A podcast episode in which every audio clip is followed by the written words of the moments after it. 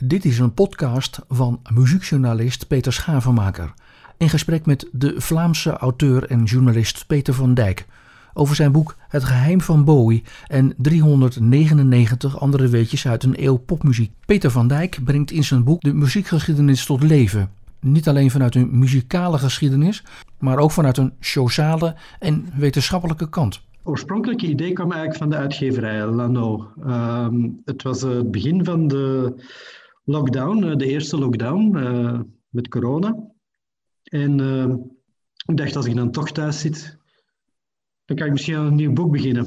Dus ik had zo wat ideetjes over en weer gepingpongd met de uitgever, Maarten. En op een gegeven moment zei hij van, wat denk je van om een weetjesboek te maken over muziek? Mijn eerste reactie was niet dol enthousiast. Um, omdat ja, weetjesboek, dat klinkt zo, zo schoolachtig. Of uh, ja, ik wilde zeker niet zo van die vrijblijvende wisgedatjes of zo uh, in een boek zetten. Maar ik liet het idee zo wat uh, zakken. Ik liet het wat indalen. En het duurde nog geen dag of ik begon al lijstjes te maken met welke dingen ik dan graag in zo'n boek zou willen. En terwijl ik het lijstje aan het maken was, uh, groeide het enthousiasme. Daar wou ik er al meteen aan beginnen eigenlijk. Dus, uh, en ik wou eigenlijk, ja, zoals ik al zei, wilde ik uh, dieper gaan. Ik wilde niet gewoon van die vrijblijvende weetjes, maar ik wou echt inzichten delen die ik... ja, ik ben al heel lang met muziek bezig natuurlijk. Mhm. Ik ben ook 17 jaar muziekjournalist geweest. Voor Joepie en voor Knak, hè? Ja, dat klopt. Ja. En in die periode ja, kom je natuurlijk heel veel tegen. En ik dacht, wat heeft me nu, het meest geïntrigeerd in al die jaren? Ja, ik begon het, begon het op te lijsten en uh, ik heb dan ook de muziekboeken die ik hier uh, in de kast heb staan uh, ter hand genomen en gekeken van ja, wat staat daarin dat echt wetenswaardig is. En uh, het lijstje dat groeide en groeide maar aan. En uh, ja, als je dan uiteindelijk gaat, echt op zoek gaat en research begint te doen, ja, dan kom je natuurlijk nog veel andere dingen tegen. Heel, heel veel verrassingen ook. Ja, in je voorwoord schrijf je over dat je hè, de, de weetjes die je had, hè, die in je hoofd zaten, die je te binnen schoten. Uh, wanneer werden het de heipalen, zoals je dat in de in het ja. voorwoord schrijft. Hè? Zeg maar de grote weetjes, de grote verhalen, de grote dingen. wanneer ontstond dat? Was dat al vrij snel of kwam dat pas later? Ja, dus toen ik dat lijstje of lijstjes had gemaakt, dan begon ik het al uh, op een gegeven moment te ordenen. En zo rond de thema's te ordenen die, die nu in het boek staan. Hè. Zoals liefde en dood, ja, zeg maar de tien grote hoofdstukken. Hè, die eigenlijk ja, de tien grote hoofdstukken, ja. Die had ik al vrij snel zo. Uh, dus ik wist dat ik daar al die weetjes in uh, kwijt kon. En dan dacht ik van ja, dat is misschien een goede manier om het af te baken. Want natuurlijk, het, ik heb het ook in mijn voorwoord geschreven, je kan, je kan miljoen, biljoenen weetjes opdelven uit uh, de muziekwereld. Dat is zo rijk aan verhalen. Maar je moet het ergens afbakenen. En dus door die thema's af te bakenen, uh, had ik eigenlijk een vertrekpunt om verder te gaan zoeken, om, om te beginnen met research. En ja, door dan inderdaad te zigzaggen door al die weetjes, uh, ja, kom je heel veel andere dingen tegen nog. Ja, intu intuïtief, je, hebt het, ja, je hebt het intuïtief aangepakt. Zou je kunnen uitleggen wat je ja, ja, gedaan hebt? Ja. ja, heel intuïtief, ja, klopt. En hoe heb je dat gedaan? Kun je dat uitleggen? Ja, dat is moeilijk natuurlijk, omdat het intuïtief is. is natuurlijk, natuurlijk niet zo heel bewust. Maar ja, het moest natuurlijk vooral mezelf aanspreken. Uh, ik denk dat uiteindelijk, uh, en dat is misschien wel raar voor een weetjesboek, een heel persoonlijk boek is geworden. Het is een beetje een kijk ook in hoe ik tegen muziek aankijk. En uh, het gaat ook heel breed. Het is een heel breed spectrum. Dat is ook dat is helemaal ik. Dat is, zo zit ik in elkaar. Ja, in het Nederlandse Dagblad, hè, Nederlandse krant van 15 november 2019, zei je over Wat's gebeurd, hè, het boek wat je hiervoor hebt gemaakt, komen we zo meteen ook nog wel over, uitgebreid over te spreken overigens, zei je dat dat ook een hoogstpersoonlijke kanon was van de Nederlandse muziek. Dus in die zin uh, is het een soort concept wat je misschien, uh, een blauwdruk wat je hebt gebruikt en daar zeg maar nu met andere, op een andere manier met andere informatie bent omgegaan. Klopt dat? Ja, er zijn zeker wel, gelijkenissen. Uh, wat gebeurt Lage Landen was natuurlijk meer een, een, een rond verhaal. Het was eigenlijk ja, echt doorlopende tekst. Dit zijn natuurlijk meer kortere stukjes. Maar toch zie ik heel veel uh, gelijkenissen, inderdaad. Uh, vertrokken vanuit een persoonlijk standpunt, vanuit persoonlijke ideeën ook. En ik denk dat dat een manier is om ook om de lezer misschien uh, meer mee te slepen. Want ja, als je heel droog en encyclopedisch uh, begint te vertellen over muziek, ja, mij zelf enthousiasmeert dat niet zo heel erg. Ik heb ook geschreven in het voorwoord dat dit boek eigenlijk voor mij ook een ontdekkingstocht was. Mm. En ik denk, als ik dat kan overbrengen op de lezer, dan ja, dat is eigenlijk een beetje een droom. Uh, en ik krijg nu ook die reacties van mensen dat ze zeggen dat ze heel erg genoten hebben van het boek. En daar, daar gaat het mij uiteindelijk ook om. Ja, heb je in tegenstelling tot wat gebeurt niet het idee dat dit ook een afgerond uh, boek is? In welke zin? Nou ja, zeg maar het ronde verhaal wat je net zei over wat gebeurt. Uh, geldt dat ook voor dit boek? In zekere zin, al weet ik dat ik ook heel veel dingen niet heb aangeraakt ik ben ook de eerste om toe te geven dat ik heel veel uh, blinde, vlekken, blinde vlekken heb in mijn uh, muziekkennis. Dus uh, ja, vanuit mijn persoonlijk standpunt en van mijn interessesfeer is het misschien wel een, een afgerond verhaal. Heb ik eigenlijk alles wel uh, gedekt wat ik wou ja, ik ben toch, toch, geïnteresseerd, ik ben toch geïnteresseerd in die, die, blinde vlekken. Want als je tussen 1989 en 2006 zo intensief bent bezig geweest met uh, popjournalistiek, dan kan ik me dat bijna niet voorstellen. Ja, en toch, ik kom uh, echt dagelijks nog. Uh, zoals je weet ben ik ook actief op Facebook. En ja, ik heb natuurlijk ook heel veel bevriende muziekjournalisten en muzikanten en producers als, als Facebook-vriend die post ook geregeld uh, muziek. En echt waar, ik kom dagelijks nog dingen tegen waar ik nog niet van gehoord heb, of misschien al wel eens van gehoord heb, maar dat ik niet echt weet hoe dat die muziek klinkt. Dus ja, ik vrees ook dat er gewoon, zeker nu, zoveel is qua muziek, dat het bijna onmogelijk is om, om uh, ja, alles te weten.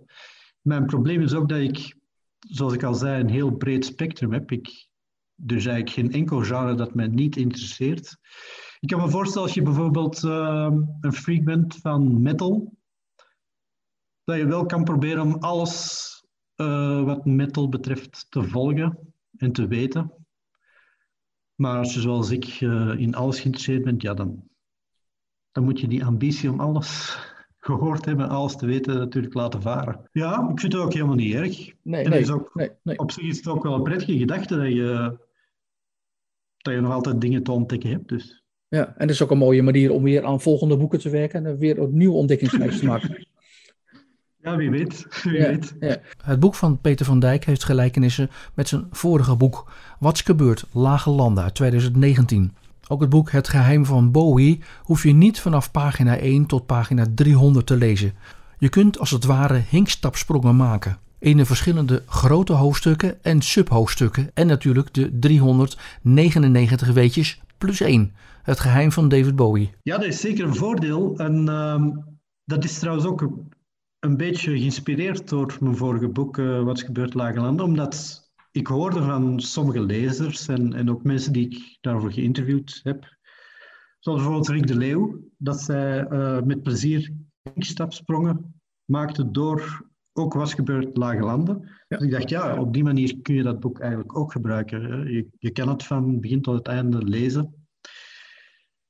Dus het heeft mij eigenlijk geïnspireerd om, om dat met dit boek nog meer, om daar nog meer op in te zetten en dat misschien nog meer te, stimuleren. Ja, dus dat, dat is goed bevallen, dat, dat idee, dat concept. Want je vertelde daarover in een radioprogramma uh, Lees in het Donker, Focus, van NPO Radio 1, 2 april 2020, begeluisterd. Daar had je het over. En maakte je ook het voorbeeld Rick de Leeuw. Dus dat dat zeg maar met dat idee, dat concept, heeft heel goed gewerkt met wat is gebeurd. En past misschien nog wel beter bij dit boek. Ja, inderdaad. En het leuke is ook dat je. Er staan hier en daar ook verwijzingen uh, in een weetje naar een ander weetje. Uh, omdat je sommige dingen geen twee keer opnieuw zou moeten uitleggen. Maar daardoor uh, maar leg ik ook een soort van dwarsverbanden bloot. En ehm, dat is eigenlijk ook wel heel interessant. En daarom, uh, ook in Wat gebeurt Lage Landen, heb ik ook rond thema's gewerkt of, of uh, hoofdstukken. Heb ik uh, ja, soms ook op een tamelijk eigen, eigenwijze, eigenzinnige manier groepen of, of songs gegroepeerd. En dat heb ik hier dan ook gedaan met die thema's en die hoofdstukken, omdat je op die manier soms een mensen een andere kijk op iets biedt en, en wijst op uh, gelijkenissen en verbanden die ze misschien niet vermoeden. Ja, die eigenzinnigheid, die kom ik regelmatig tegen in de uh, research. Ik heb heel veel interviews van je gelezen, overal gezocht ja. en gevonden, uiteraard, ja. zou ik bijna zeggen. Die eigenzinnigheid, zou je die kunnen uitleggen? Wat is de eigenzinnigheid van Peter van Dijk? Mijn eigenzinnigheid is um, onder andere dat ik uh, ook in muziek probeer heel vrij te denken, heel, heel open te zijn. Ik heb een, uh, ja, een hekel aan, aan hokjes denken. Ik heb me ook in mijn tijd als muziekjournalist nooit laten leiden door wat men soms noemt de smaakpolitie. Ik heb bijvoorbeeld ook uh, in het nieuwe boek uh, een hoofdstukje over uh, Coldplay, waarom die zo gehaat worden door rockcritici. Ja, dat is een beetje een stokpaardje. Ik, je hebt zo een aantal blijkbaar ongeschreven wetten dat je bepaalde groepen cool mag vinden en andere niet. Ja, daar heb ik mij eigenlijk nooit wat van aangetrokken. Nee, wij in Nederland hebben de muziekpolitie. Bij, ja, de, radio, bij, de, bij de radiostations, ja. Ja. ja, dat haat ik dus. Ja, Hartgrondig. Is dat, bestaat het in Vlaanderen ook overigens? Of, uh... Ja, ja, natuurlijk. Uh, ik denk dat het overal bestaat, want ja, bijvoorbeeld in, in Groot-Brittannië is dat ook heel fel. Hè? Dat dat leeft uh, van indelen van wie cool is en wie hip is en wie niet. Ja. En komt dat, ja. komt dat omdat jij bent opgegroeid in de jaren zeventig met een, zoals dat mooi heet, een veelkleurig palet aan muziek? Hè? De, de Ramblers is een van jouw, nou ja, uh, zeg maar, heeft, heeft jou ook mede gevormd. Uh, samen met de, de, de, muziek die jou beschrijft in je huidige boek. Uh, komt het daardoor dat jij niet hokjesdenkerig bent? dat is ook een beetje mijn persoonlijkheid, want ik heb dat ook in andere dingen zo. Um, Bijvoorbeeld als het gaat over uh, politiek, uh, over actualiteit. Ik, ik probeer heel vaak uh, dingen van twee kanten te bekijken. Ik, ik, ik, zie rondom mij heel veel mensen die zich laten meeslepen door ja, een of andere mening. Um, ja, je ziet dat bijvoorbeeld op sociale media ook heel erg. Um, men speelt in op emoties en, en men, trekt mensen zo mee in een bepaalde stelling, in een bepaald kamp. En ik heb altijd de neiging om uh, het ook eens van een andere kant te bekijken. Dus ik heb dat eigenlijk in alles zo. En ja, in muziek natuurlijk ook. En het klopt inderdaad wel dat ik... Ik ben natuurlijk opgegroeid met de muziek van mijn ouders. Um, maar die hadden dat eigenlijk ook dat dat heel breed ging. We luisterden thuis naar, uh, naar oude jazz, maar ook uh, naar slagers. Mijn moeder, uh, die kon bijvoorbeeld ook U2 enorm appreciëren. Dus uh, rebelleren via muziek, dat was nogal moeilijk bij mij thuis. Want er stonden redelijk veel dingen open. En natuurlijk, je hebt sowieso die reflex als je een puber bent om je uh, eet of wat af te zetten tegen de muziek van je ouders. Maar ik heb al vrij snel moeten toegeven dat uh, bijvoorbeeld Louis Armstrong, Ella Fitzgerald, maar ook Tom Jones bijvoorbeeld, dat je dat eigenlijk wel echt ook heel goed vond. En ik schaam me er ook niet over om dat toe te geven. Dus ja, die muziek die thuis uh, weer klonk, zal zeker zijn invloed hebben gehad. Wanneer begonnen die weetjes een belangrijke rol te spelen? we hadden het begin van het gesprek al, die, weetjes die zeg maar, mij te binnen schoten uit, uit je werk. Wanneer ging dat echt een rol spelen, dat je die ging verzamelen en ook bijhouden en zo intensief uh, echt een beetje de diepte in te gaan? Wanneer begon dat? Ja, ik denk toen ik uh, muziekjournalist werd. En dat is eigenlijk ook maar uh, per toeval zo gekomen, want ik wilde eigenlijk gewoon uh, journalist te koer worden. En ik ben ook begonnen bij een krant hier in Antwerpen met stadsnieuws. Um, maar omdat ik moeilijk een vast contract kon krijgen, hoorde ik op een gegeven moment dat ze iemand zochten bij Joepie, wat die behoorde tot dezelfde uitgeverij. En dan heb ik daar gesolliciteerd en dan ben ik zo eigenlijk, ja, per toeval in de muziekjournalistiek gesukkeld. En dan heb ik natuurlijk wel gemerkt dat die, al die verhalen die rondzwerven in de muziek, dat, dat ik die razend interessant vond. Ja, ik heb natuurlijk ook wel voordien heel veel gelezen over muziek. Dus ja, maar ik zou eigenlijk liever spreken over verhalen dan weetjes, want uh, ja, dit boek moet natuurlijk een naam krijgen, dus daarom noemen we het een weetjesboek, maar ik denk dat het eigenlijk toch wel meer is dan een, een puur weetjesboek. Ik ben eigenlijk niet zo geïnteresseerd in, in, in naakte feiten, maar eerder in de verhalen achter de feiten. Ja, want je had al waarschijnlijk ook al vrij snel door dat er zoveel dwarsverbanden zijn in de muziek, dat eigenlijk iedereen met elkaar samenwerkt, iedereen door elkaar geïnspireerd is. Daar komt het misschien ook vandaan om het op deze manier zo uit te werken nu in dit boek. Ja, dat klopt. Maar ik moet tegelijk ook toegeven dat uh, toen ik opgroeide uh, en een puber was, uh, eind jaren 70, begin jaren 80, ehm, was alles toch wel veel meer in kampen verdeeld.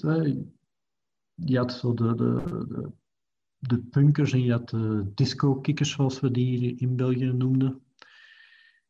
Je moest zo ergens in, in een kamp behoren. Zoals ik al zei, ik heb eigenlijk als persoon ook nooit ergens in een kamp tot een kamp behoord. Willen horen, eigenlijk, beter gezegd? Nooit willen horen, ja. ja, ja. Uh, maar ik, ik identificeerde mij natuurlijk ook wel toch meer met uh, punk en new wave dan, dan met disco. En ik heb ook een tijdje ja, disco veracht. Achteraf uh, heb ik dan natuurlijk moeten toegeven dat ook daar uh, pareltjes in zijn gemaakt. In deze moderne tijd is het helemaal anders. Je merkt dat, ehm, ja, zeker in de muziek, mensen niet meer zo in hokjes denken. Dat ehm, zeker jongeren luisteren naar alles en maken geen onderscheid meer tussen uh, hip-hop of pop of gelijk wat, of, of dance. Uh, je ziet ook uh, op rockfestivals dat daar uh, ineens Rihanna top of the bill is. Dat, dat kan allemaal tegenwoordig. Dus eigenlijk, deze tijdsgeest spreekt mij als persoon veel meer aan dan degene waarin ik ben opgegroeid. En daarom is het, is het nu eigenlijk ook misschien een, eh, een goede periode om zo'n boek te maken, om, om, om erop te wijzen dat ja, uh, alles met elkaar verbonden is ook. Alle soorten muziek. Ja. ja het, het, is nu het moment om dat uh, op te schrijven. Ja, inderdaad. Ja, We hadden het net even over die, tien grote hoofdstukken, hè? De, eh, zeg maar de heipalen, hè? Eh, de, zo, mm -hmm. om het maar even zo te noemen. Daaronder liggen natuurlijk al die subonderwerpen, zoals seks en uh, nou, de Stones en rock and roll. Nou ja, en, de mysterieuze impact van muziek. hoe kwam je op het idee om zeg maar, die verdieping te kiezen? Ja, ik, ehm, toen ik begon ehm, met mijn research, of voor ik begon met mijn research, heb ik eigenlijk eens rondgekeken wat voor weetjesboeken er zoal zijn over muziek. En dan bleken er niet zo gek veel te zijn, maar ehm, ik vond er toch wel een aantal in, die in Amerika gemaakt waren. En die concentreerden zich heel erg op uh, pop en rock. En op de grote namen. En toen uh, had ik vrijwel meteen beslist van die valkuil te vermijden en zo breed mogelijk te gaan. Ik wilde een aantal dingen zeker in het boek hebben. Bijvoorbeeld ook uh, muziek uit andere continenten. Mm -hmm. Omdat mij dat uh, ja, ook altijd geïnteresseerd heeft. Ik herinner mij ook in de jaren negentig is er een periode geweest dat ik, ja, ik ben van, ja, als, als jonge gast was ik een grote rockfan van de jaren negentig, zo na Nirvana. Heb ik een periode gehad dat ik echt uitgekeken was op de rockmuziek uh, en op gitaren. En toen heb ik, ben ik veel meer gaan luisteren naar elektronische muziek en naar uh, wereldmuziek. Muziek van andere continenten. En ik vond daar veel meer uh, nieuwe dingen en opwinding in dan in die rockmuziek. Ja, het is een zeer interessante hoofdstuk om te lezen over hoe die dwarsbanden nou liggen. En er zit een hele verrassende, ja, interessante informatie in. Moeten mensen zelf maar lezen. Hè? Bijvoorbeeld, ik noem even een voorbeeld dat zeven dagen lang een, relatie heeft met de Keltische muziek. Een hoofdstuk over Europa, hè, wat begint op pagina 109, waarin ook de flamengo, de fado, uh, krautrock is een zeer interessant hoofdstuk. Berlijn, de Hansa Studio, waar veel gebeurd is. En je maakt ook een mooi hoofdstuk, dat is ook wel prachtig om, uh, om te lezen. Pagina 99, over uh, de rapsongs die ehm, ja, gaan over de Vlaamse of de Belgische koloniale geschiedenis. Hè? De Teddy L en, en Badi. Dat is, dat is een mhm. interessante keuze om in zo'n boek te verwerken? Waarom heb je dat zo uh, gekozen? Ja, omdat ik daar ook uh, op gebotst ben, ben tijdens mijn research. Ik, ik was voordien al wel uh, een grote fan van Balogi. Um, maar dan merkte ik, dat wist ik niet, dan merk ik dat er nog zo van die jonge Belgen zijn eigenlijk, met Congolese roots, die eigenlijk heel kritisch zijn voor wat er in hun, hun land van herkomst is gebeurd. Ja, dan bots je daarop en dan, ja, dan denk je, ja, dat gebruiken we gewoon natuurlijk. Maar, maar merk je ook dat dat nooit zo uitvoerig beschreven is aan de hand van verhalen en, en zeg maar weetjes om dat zo te duiden? Is dat eerder zo gedaan in België?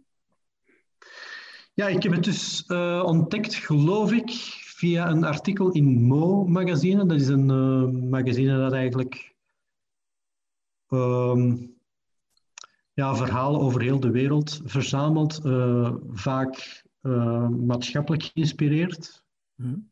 Um, die ook heel veel, ook, ook heel veel, vaak gaan over uh, de uitbuiting van gekoloniseerde landen en zo.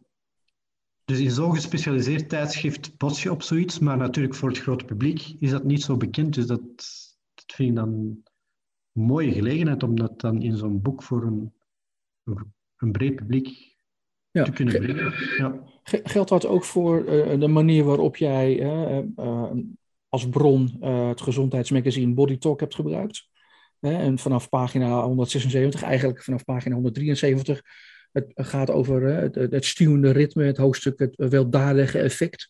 En, ja. zeg maar, ik, ik, ik chargeer even heel kort het, het, het, wetenschappelijke kant van muziek, wat me even zo uh, te zeggen. Hè? De, liedjes die effect hebben op onze emoties, dat dat een bindmiddel is. En nou ja, je noemt het voorbeeld van uh, Edwin Collins, die na hersenbloedingen toch een comeback uh, maakt. Maar mm -hmm. dat is een heel interessante manier van kijken naar muziek en de rol van muziek. Heeft dat te maken dat jij niet alleen een muziekjournalist bent, maar ook eh, wetenschappelijke stukken eh, eh, hebt geschreven, of in ieder geval wetenschapsjournalist bent, dat het daar vandaan komt om dat ook in dit boek zo te verwerken?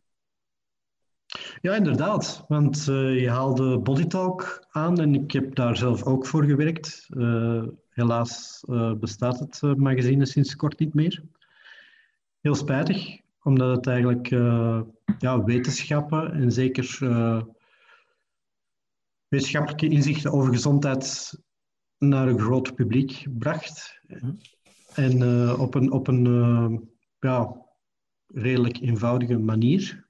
Uh, eigenlijk de wetenschap een beetje populariseerde. Dus ik heb daar ook voor gewerkt en ik heb daar ja, inderdaad ook stukken gemaakt over het effect van muziek. bijvoorbeeld het verhaal over ritmische muziek als doping tijdens het sporten. Daar heb ik destijds een artikel over gemaakt voor uh, Body Talk. Ik heb ook uh, een tijdje gewerkt voor uh, de KU Leuven, uh, voor het magazine van de KU Leuven. Ja, want je verwijst in je boek ook naar Peter Hespel, die is van de K KU in Leuven, de inspanningspsycholoog, ja. pagina 174 is, gaat het daarover. De songs ja, met een beat zijn doping. Ja. Dat, ja. Dus ja, ik heb ehm, die wetenschappelijke kant ook al in artikels belicht. En ik, ik vond het heel interessant om dat hier ook uh, in dit boek te brengen. Omdat de jongste decennia is er heel veel uh, gebeurd. Uh, hebben ze heel veel progressie gemaakt in het, in het hersenonderzoek. Men kan nu de hersenen scannen en zien welke hersengebieden actief zijn bij welke Ehm, bij welke gedragingen, bij, bij welk... Als, muziek, als mensen muziek luisteren ook. Dus dat brengt natuurlijk heel interessante inzichten met zich mee. Hm. Maar, maar dit geeft alleen maar aan dat hè, het, het, niet zomaar een wetjesboek is.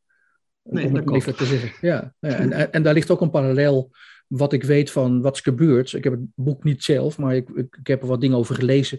En ik hoorde jou ook praten in, in, uh, in een paar interviews over dat je uh, artikels die je al eerder hebt gemaakt hè, als muziekjournalist, dat je daar dingen toen in hebt gebruikt. En dat heb je blijkbaar dus nu ook weer gedaan.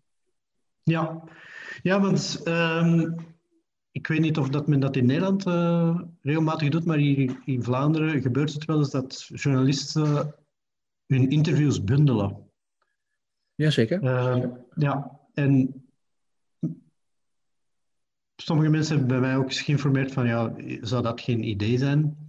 Maar dan stel ik vast dat, uh, ja, soms de helft of een derde van die interviews, ook al zijn die met heel interessante figuren, dat die eigenlijk ondertussen onbruikbaar zijn, omdat, je, omdat die toen actueel waren, maar nu helemaal niet meer. Ja, en je hebt, ze, je hebt ze nu zeg maar, in dit boek weer bruikbaar gemaakt.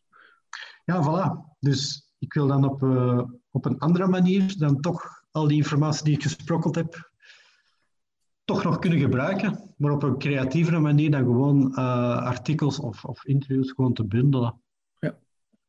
Is het, is het te, streng, te sterk gezegd, uh, is het te sterk gezegd dat dit boek zeg maar, ook een beetje een wetenschappelijke basis heeft? Of, uh, omdat je er zo naar kijkt op verschillende manieren. Hè? Dit was een voorbeeld en er zijn legio voorbeelden in het boek die zeg maar, wat dieper gaan dan alleen maar check weetjes bij elkaar zetten of verhalen te maken. Het, er zit echt een, een extra laag in, merk ik als ik het lees. Ja, dat is omdat ik dat zelf zo waardeer. Zoals ik zei, de feiten op zich interesseren mij minder dan de verhalen erachter. Um, en uh, dat wetenschappelijke zit er zeker in. Ik heb ook uh, zeker het hoofdstuk over het weldadige effect laten nalezen, ook door, een, uh, door Mark Rijbroek. Dat is een muzikoloog en muziekpsycholoog van de KU Leuven. Mhm. Ik heb hem dat laten nalezen om zeker te zijn dat, er, dat het allemaal juist is en allemaal klopt. Dus ik wil ook dat het uh, wetenschappelijk helemaal uh, oké is. En ook, ja, af en toe uh, smokkel ik er ook een kleine geschiedenisles in. Bijvoorbeeld door wat je al aanhaalde over de, uh, de Keltische muziek. Mm. ja, dat, je hebt dan Alan Stivell, een Breton die daar uh, zeer sterk in is. En dan ben ik gaan uitzoeken van, ja, de naam Bretagne zegt het al dat er eigenlijk een, een uh, verband is met Groot-Brittannië. Hoe zat dat juist? Hoe is dat gegroeid? Dan probeer ik dat ook uit te zoeken. Dat vind ik uh, razend interessant. dus dat, ja, dat wil je lezers dan ook wel meegeven, die, die geschiedenis of, of ook een achtergrond van culturen. Ja, nou goed, het, het, voorbeeld, het voorbeeld daarvan is, is natuurlijk de vraag uh, die je stelt, uh, waarom is Zweden zo'n gezegend popland? Je gaat in over de rol van krautrock. Dat zijn natuurlijk ook voorbeelden die eigenlijk ook een geschiedenis uh, vertellen en een culturele vorming vertellen, die gezorgd hebben voor de stromingen in Zweden en de stromingen die kraut, de krautrock heet. Mm dat klopt. En dan bijvoorbeeld is de keelzang, dat wou ik ook onderzoeken, van waar komt die rare techniek van zingen eigenlijk toch vandaan? Mm En dan blijkt dat dat uh, niet alleen in Mongolië en een deel van Rusland, uh, waar dat zeer populair is of heel erg bekend is dat daar keelzangers zijn, dat dat zich niet alleen daar uh, manifesteert, maar dat je over verschillende gebieden eigenlijk uh, keelzangers hebt en dat dat eigenlijk allemaal teruggaat naar nomade volkeren die uh, hun kudde dieren volgden en eigenlijk die keelzang gebruikten als een manier om met de natuur te converseren. Ja. Dus ja, heb je het idee dat mensen meteen doorzien dat dat boek deze lagen bevat als ze het, de cover zien en, en zien dat dat over uh, 399 weetjes gaan en eentje van Bowie? Ben je daar bang voor? Of? Oh ja. Ik denk als ze het boek dan openslaan, dat ze het wel snel zullen doorhebben. Ja. Uh, daarom heb ik ook op de achterflap, uh, wat ze vroegen om een aantal weetjes te selecteren, om op de achterflap te presenteren, om al een idee te geven. Daarom dat ik daar bijvoorbeeld ook Kinderen worden slimmer van muzieklessen in heb uh, gesmokkeld. Of op een didgeridoo blazen is een prima remedie tegen snurken. Dus dat geeft al een idee dat het toch wel redelijk breed gaat en dat je ja. ja. Niet alleen... ja, want die diepgang uh, verdient wat mij betreft echt een compliment. Want daar zie je veel boek, weinig boeken uh, van die, die dat doen. Hè. Het zijn vaak opsommingen van allerlei feitjes. En ja, goed, dat, die kennen we allemaal wel een beetje. Ja. maar die diepgang maakt dat juist interessant, vind ik.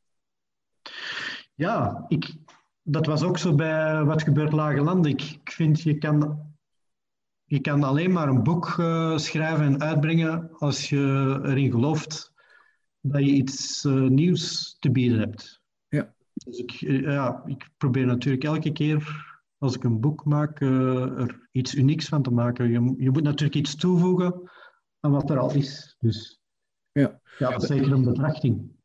Wanneer, wanneer, ontstond het idee om die, uh, ik noem het maar even, prikkelende stellingen uh, te doen? Hè? Die bijvoorbeeld Hits leven langer vandaag of piratenstations hielpen de veramerikanisering een handje. Of uh, vond ik ook een hele mooie, pagina 73, Velvet Underground voerde de visuele revolutie, waarbij je een link legt met Havel en met Lou Reed. Wanneer ontstond het idee om de prikkelende stellingen of die stellingen zo te kiezen?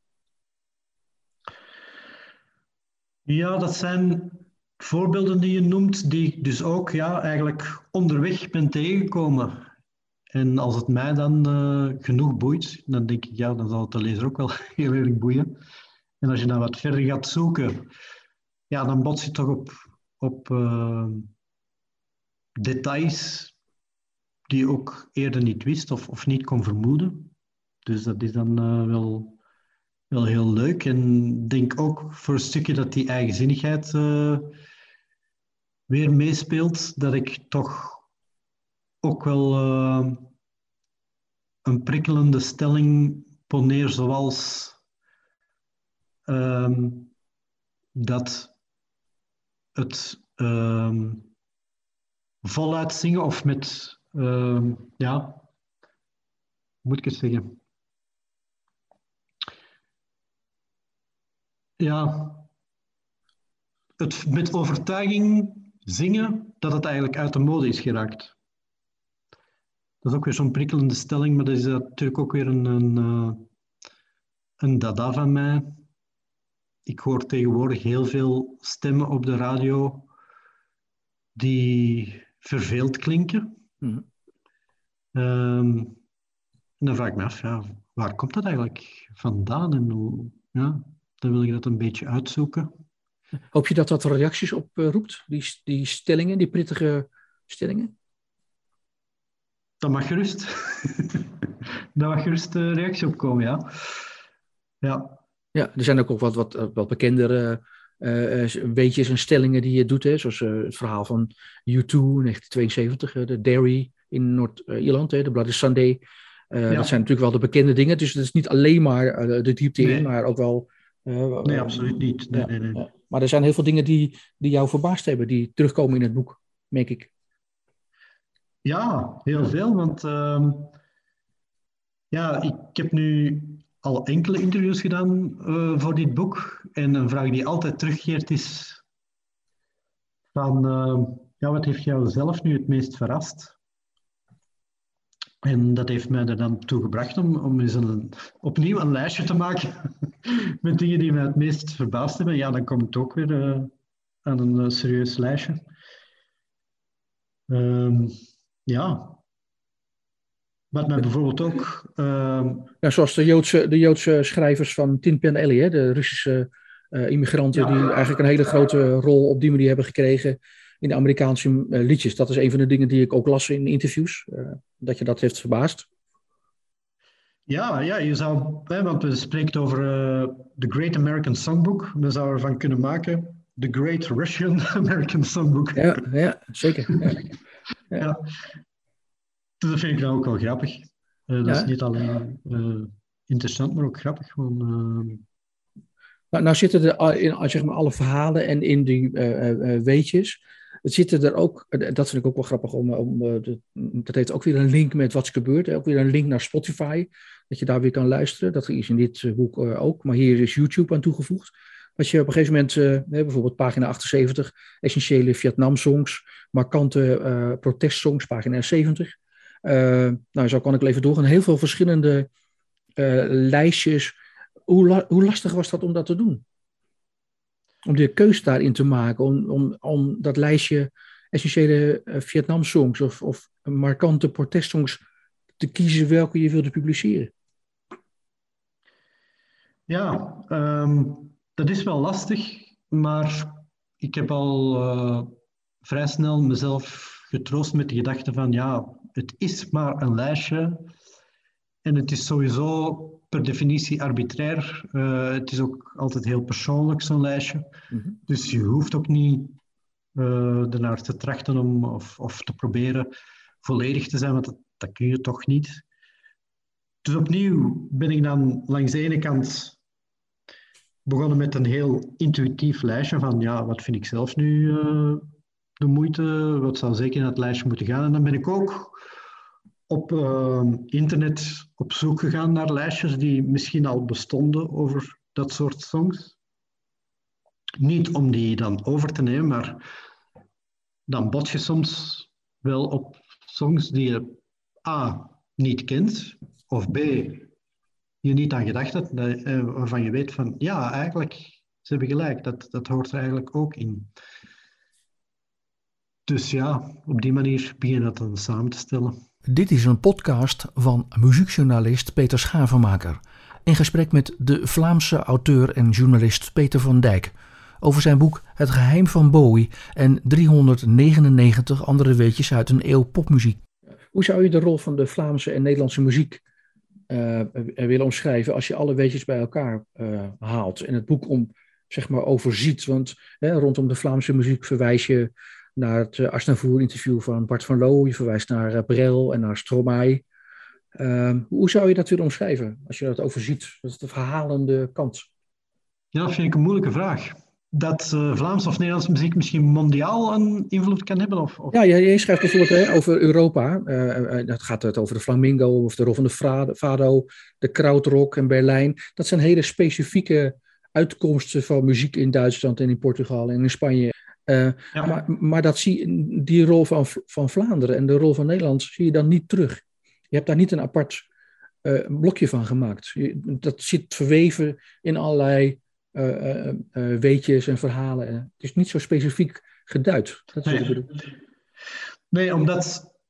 Ja, ik heb natuurlijk al Wat gebeurt Lage Landen geschreven, dus ik had eigenlijk ehm, de Lage Landen al gecoverd, zou je kunnen zeggen. Dus wou ik nu echt wel heel internationaal gaan. En er wordt hier en daar nog wel een Belgische of een Nederlandse band uh, genoemd. Omdat ik vind dat die van internationaal niveau zijn, zoals bijvoorbeeld The Nits of uh, de gitarist Harry Saxioni. Ja, de jodo-muziek van Focus, bijvoorbeeld. Ja, inderdaad, dat ook. En uh, dus daarom ben ik daar nu niet dieper op ingegaan. Maar wat misschien wel interessant is, is uh, op de boekvoorstelling van uh, Wat gebeurt Lage Landen in uh, Amsterdam. Ik heb twee boekvoorstellingen ge gehad. één in Vlaanderen en één in Nederland. En in de platenzaak Concerto in, in Amsterdam um, was Spinvis, Erik de Jong, te gast. Mm -hmm. En die speelde daar een paar liedjes. En ja, geïnspireerd door een boek uh, zei tussen twee liedjes door van uh, ja, dat mensen zich soms wel afvragen of, of aan hem vragen van wat er zo typisch is aan Nederlandse muziek of Nederlandstalige muziek. En hij zei dat, dat, uh, dat hij vreest dat het eigenlijk niet bestaat. Um, bijvoorbeeld Um, je hebt in Frankrijk het chanson, maar het Frans is eigenlijk een heel muzikale taal. Uh, hetzelfde kun je zeggen over Italië. Italiaans is een heel muzikale taal, dus in zekere zin, die taal op zich um, stuurt uh, artiesten een bepaalde richting uit, muzikaal. En hij vreest, en ik denk dat, dat hij gelijk heeft, dat het bij het Nederlands niet het geval is. Ja. Um, en zeker Vlaanderen, zeker Vlaanderen, is het zo dat wij zijn ja, door de eeuwen heen zo vaak overheerst geweest door uh, vreemde mogendheden, dat wij sowieso invloeden van overal hebben geabsorbeerd. En ik denk dat dat in Vlaanderen, in Belgische muziek, van bijvoorbeeld Stromae en ook Jacques Brel hebben dat ook, dat ja, die, die invloeden van overal, die zitten daar ook heel erg in. Je vindt die er ook heel erg in terug. En ik kan bijvoorbeeld ook afvragen, wij hebben in Vlaanderen een heel grote en rijke traditie aan volksmuziek. Zelfs in die mate dat heel veel Nederlandse folkbands uh, traditionals zingen die eigenlijk van Vlaamse oorsprong zijn. Maar je kan je soms afvragen van in hoeverre zijn die echt Vlaams, die, die volksliedjes. Want onderzoekers hebben bijvoorbeeld ontdekt dat daar ook invloeden in zitten van Arabische gezangen. Dus echt um, ik ben eigenlijk door deze twee boeken te schrijven uh, ervan overtuigd geraakt dat er geen, uh, dat er niet zoiets bestaat als ras, zuivere of cultuur eigen muziek. Uh, over de fado en, en, flamenco bijvoorbeeld staat, maar ook over country in uh, het geheim van Bowie. Dat wijst daar ook op dat ja, um, heel vaak ontstaat muzikale vernieuwing door uh, het vermengen van, van culturen. Uh, heel vaak is uh, migratie de grote motor van muzikale vernieuwing. Ja. Omdat volkeren verhuizen en eigen cultuur en eigen muziek meenemen en dat dan vermengen met die van de plaatselijke bevolking. Ja, daardoor krijg je eigenlijk nieuwe dingen. Dus het, dat is een mechanisme in muziek dat ja, je echt wel kan blootleggen. Ja, een interessant uh, hoofdstuk daarover, pagina 45. De soul blootgericht. Vind ik ook een mooie dubbele titel, hè? de soul blootgelicht. Uh, dat, dat, is, dat maakt, hè, dat sluit aan op wat jij zegt. Um, plus natuurlijk, misschien ook wel daarom heb je een beetje 145 gemaakt. bepaalt de omgeving welke muziek je maakt. Dat, is, dat sluit hier ook erg op aan. Ja, dat klopt. Ja. Um, en dan haal ik als, als voorbeeld aan uh, IJsland, uh, dat uh, heel veel mensen die muziek van daar die vandaar komt, zoals uh, Sigur Ros of, of Björk, dat ze daar heel erg die, die natuurelementen, die ruwe natuur eigenlijk in terug horen. Misschien maken we onszelf dat wijs, dat we, dat we die dingen erin in horen, maar ik geloof dat niet. Ik, ik denk echt wel dat de omgeving bepaalt um, ja, hoe je muziek klinkt.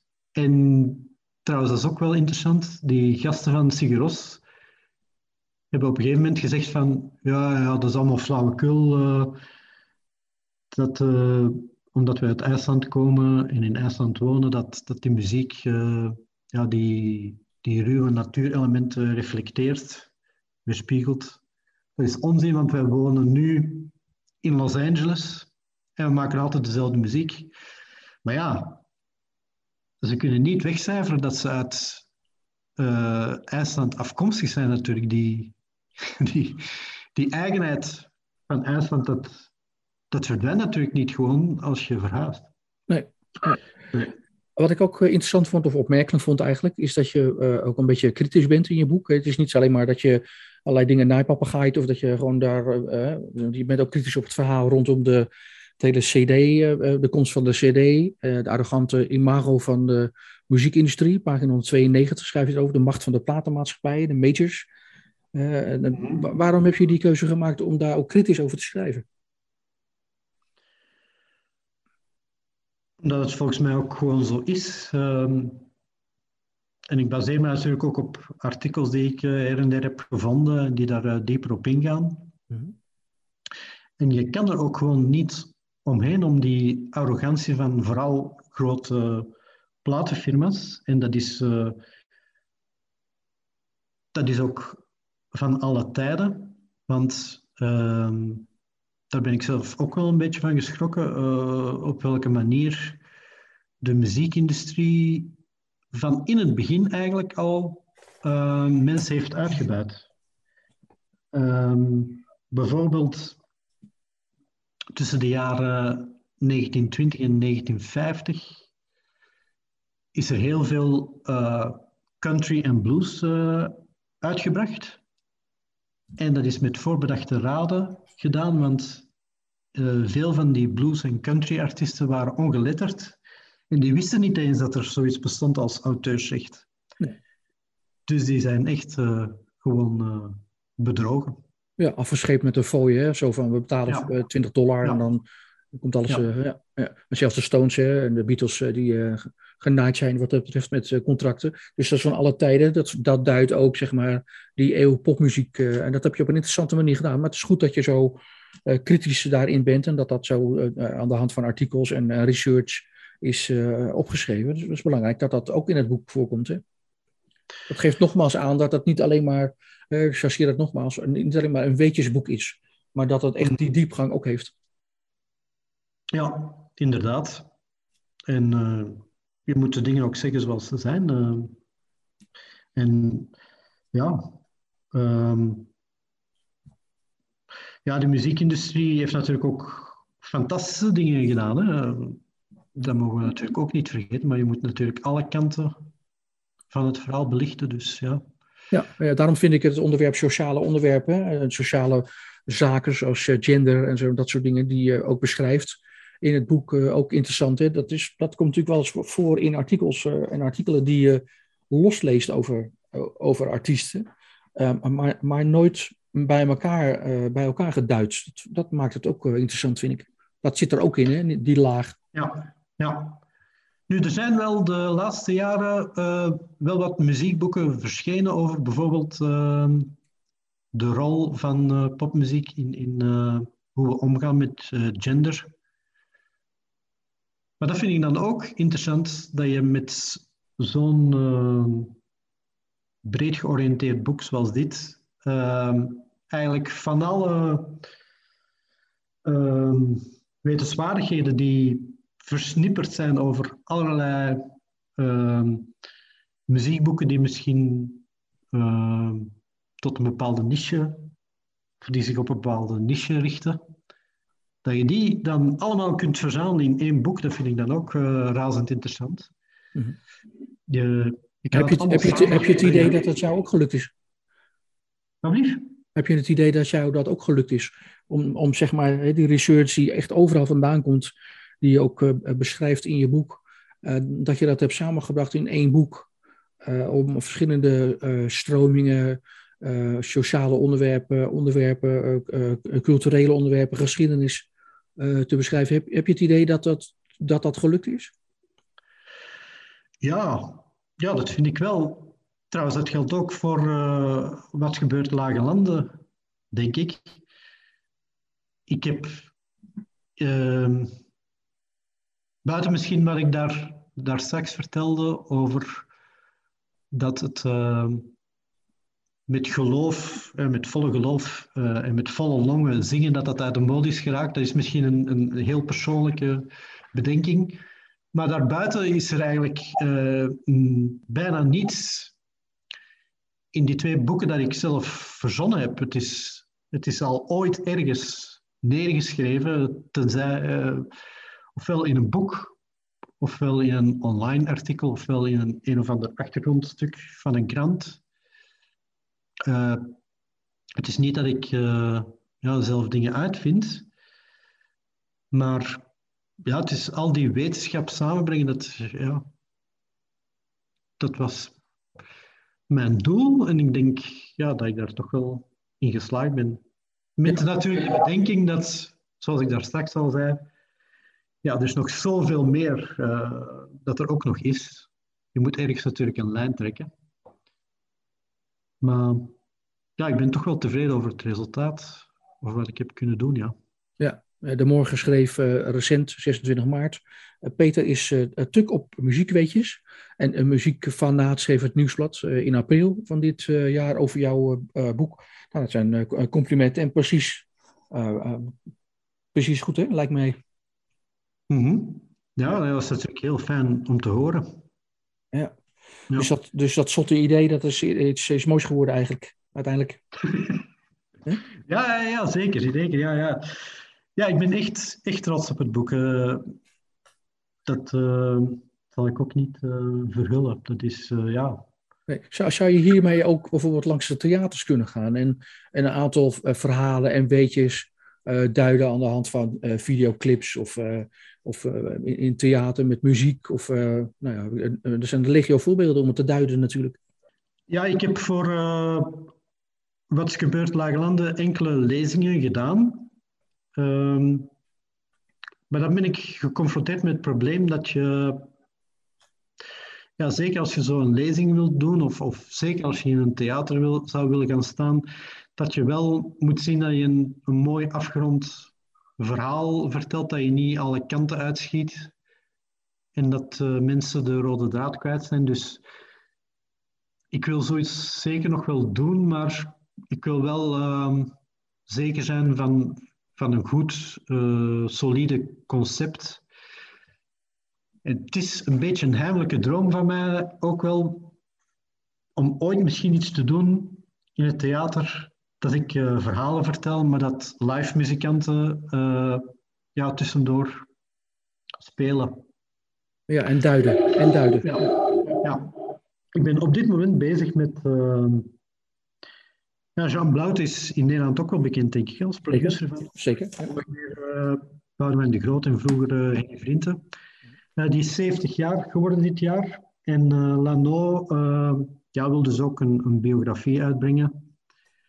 Naar aanleiding van zijn 70ste verjaardag, dus nog dit jaar, in het najaar. En ze hebben mij gevraagd om Jean Blouten daarbij te helpen. En dat doe ik met heel veel plezier en ja. ook met passie. Dus dat is al het, het volgende. Um, en misschien het, het daaropvolgende zotte idee is om misschien eens iets te doen dat niets met muziek te maken heeft. Dat zou, dat zou ook wel heel zot zijn, lijkt mij. Ja. Dat past dat, ik, ik, hè? dat zou helemaal niet bij je passen, ja. denk ik. Ja, maar ja, er zijn ja, nog zoveel andere dingen die mij interesseren. Dus ja, uh, ja ik heb ideeën genoeg. Uh, ik wil zeker ook wel eens een boek schrijven dat, uh, niet zoveel research vraagt. Enorm veel tijd in. En, uh... Nou, merci voor het mooie gesprek. Dat is heel graag gedaan. En bedankt voor de interesse. Dit is een podcast van muziekjournalist Peter Schavenmaker. In gesprek met de Vlaamse auteur en journalist Peter van Dijk over zijn boek Het geheim van Bowie en 399 andere weetjes uit een eeuw popmuziek.